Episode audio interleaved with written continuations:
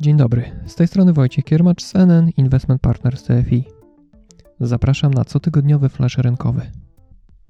Świat to jeden wielki cykl, złożony z mniejszych cykli. Pory roku, dzień i noc, sen zimowy niedźwiedzi, a nawet powracające trendy w modzie. Podobnie jest z gospodarką. Ona również porusza się w rytm pewnego cyklu. Spowolnienie, recesja, ożywienie, ekspansja. I znów spowolnienie, recesja, ożywienie, ekspansja.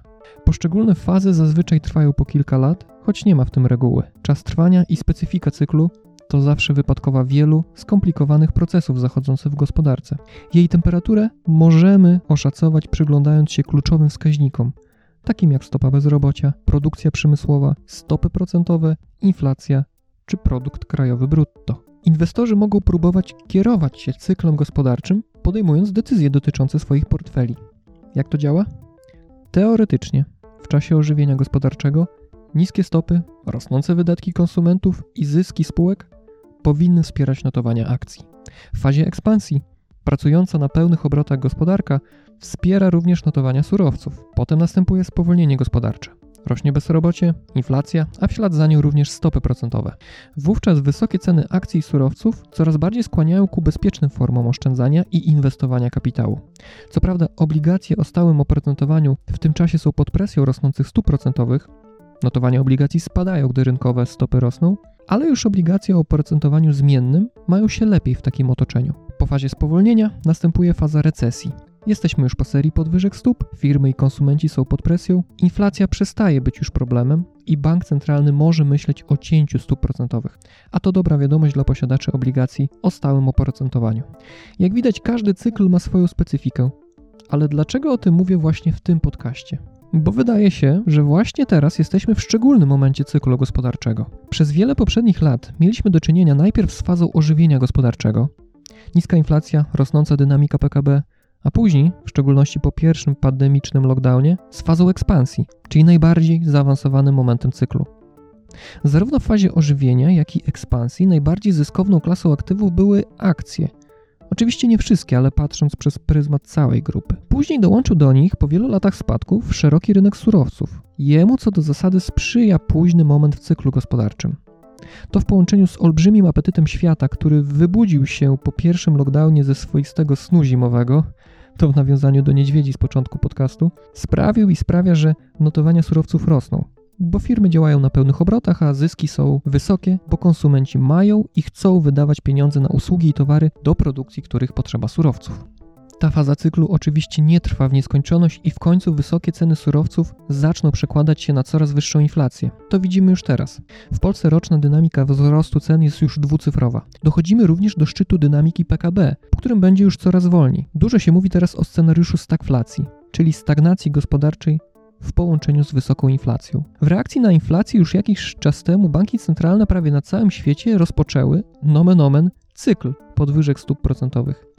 W takim otoczeniu źle zachowywały się notowania obligacji o stałym oprocentowaniu. Widzieliśmy to na przykład po ubiegłorocznych stopach zwrotu funduszy obligacji, nazywanych funduszami dłużnymi.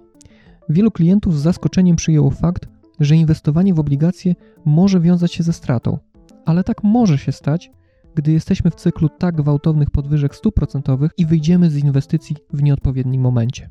Mój opis jest rzecz jasna dużym uproszczeniem rzeczywistości. W różnych częściach świata dynamika PKB i inflacji jest inna.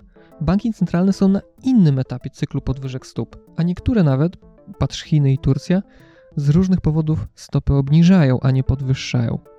Fazy cyklu gospodarczego się przenikają i tak naprawdę dopiero z perspektywy czasu jesteśmy w stanie z pewnością stwierdzić, w którym momencie cyklu byliśmy jakiś czas temu. Ale spróbujmy jednak ocenić, gdzie jesteśmy tu i teraz. Zdaniem Bartłomieja Chyłka, dyrektora zespołu analiz w NN Investment Partners TFI, zbliżamy się do szczytu cyklu gospodarczego. Pandemia koronawirusa, a później wybuch wojny na Ukrainie tylko przyspieszył proces zamknięcia pełnego cyklu. Wysokie ceny surowców podtrzymają wysoką inflację na dłużej, a to będzie oznaczało, że banki centralne będą starać się ją zbić, naturalnie schładzając przy okazji gospodarkę. W takim otoczeniu, zdaniem Bartka, preferowane będą bezpieczniejsze klasy aktywów. Co to znaczy? Weźmy przykład funduszu NN konserwatywny.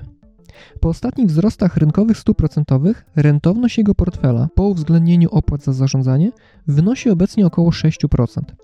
Tak zwana duracja portfela wynosi mniej niż pół roku. Duracja to bardzo ważna miara wrażliwości funduszu na zmiany rynkowych stóp procentowych.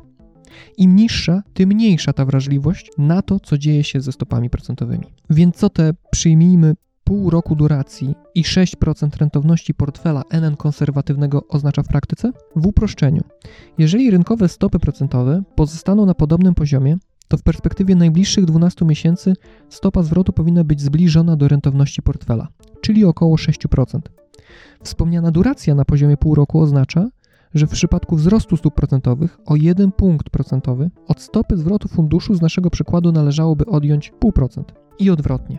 W przypadku spadku rynkowych stóp procentowych do wyniku funduszu należałoby dodać 0,5%. Niska wrażliwość funduszu na zmiany w połączeniu z już wysoką rentownością samego portfela będą stanowić swoisty bufor przed ewentualnym dalszym wzrostem rynkowych stóp procentowych. Chcę jeszcze raz zaznaczyć, że to duże uproszczenie, bo na wyniki funduszu wpływ ma nie tylko poziom i tempo zmiany stóp procentowych i duracja, ale również wiele innych czynników, w tym czynnik ludzki, czyli po prostu dobre lub złe decyzje zarządzającego co do tego, jak inwestować w danym momencie. Chodzi o pokazanie mechanizmu. W tym późnym momencie cyklu koniunkturalnego w trakcie serii podwyżek stóp procentowych mających na celu schłodzenie gospodarki, poziom rentowności takiego portfela funduszy obligacji krótkoterminowych jest znacznie bardziej atrakcyjny niż jeszcze rok temu.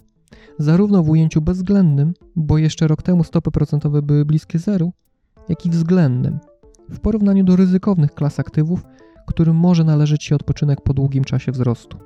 A co jeśli Rada Polityki Pieniężnej dalej będzie podnosić stopy procentowe? Choć nikt nie jest w stanie przewidzieć, na jakim poziomie się zatrzyma, inwestorzy już uwzględnili w wycenie obligacji scenariusz serii podwyżek.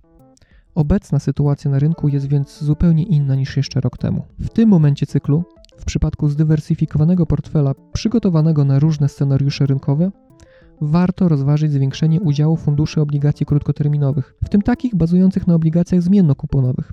Im sprzyjają rosnące rynkowe stopy procentowe, bo od nich uzależniona jest wysokość wypłacanych odsetek. Relacja potencjalnego zysku do ryzyka w tym momencie rynkowym wydaje się wyraźnie lepsza niż jeszcze rok temu, gdy dopiero zaczynaliśmy myśleć o podwyżkach stóp. To tyle na dziś. Do usłyszenia za tydzień. thank you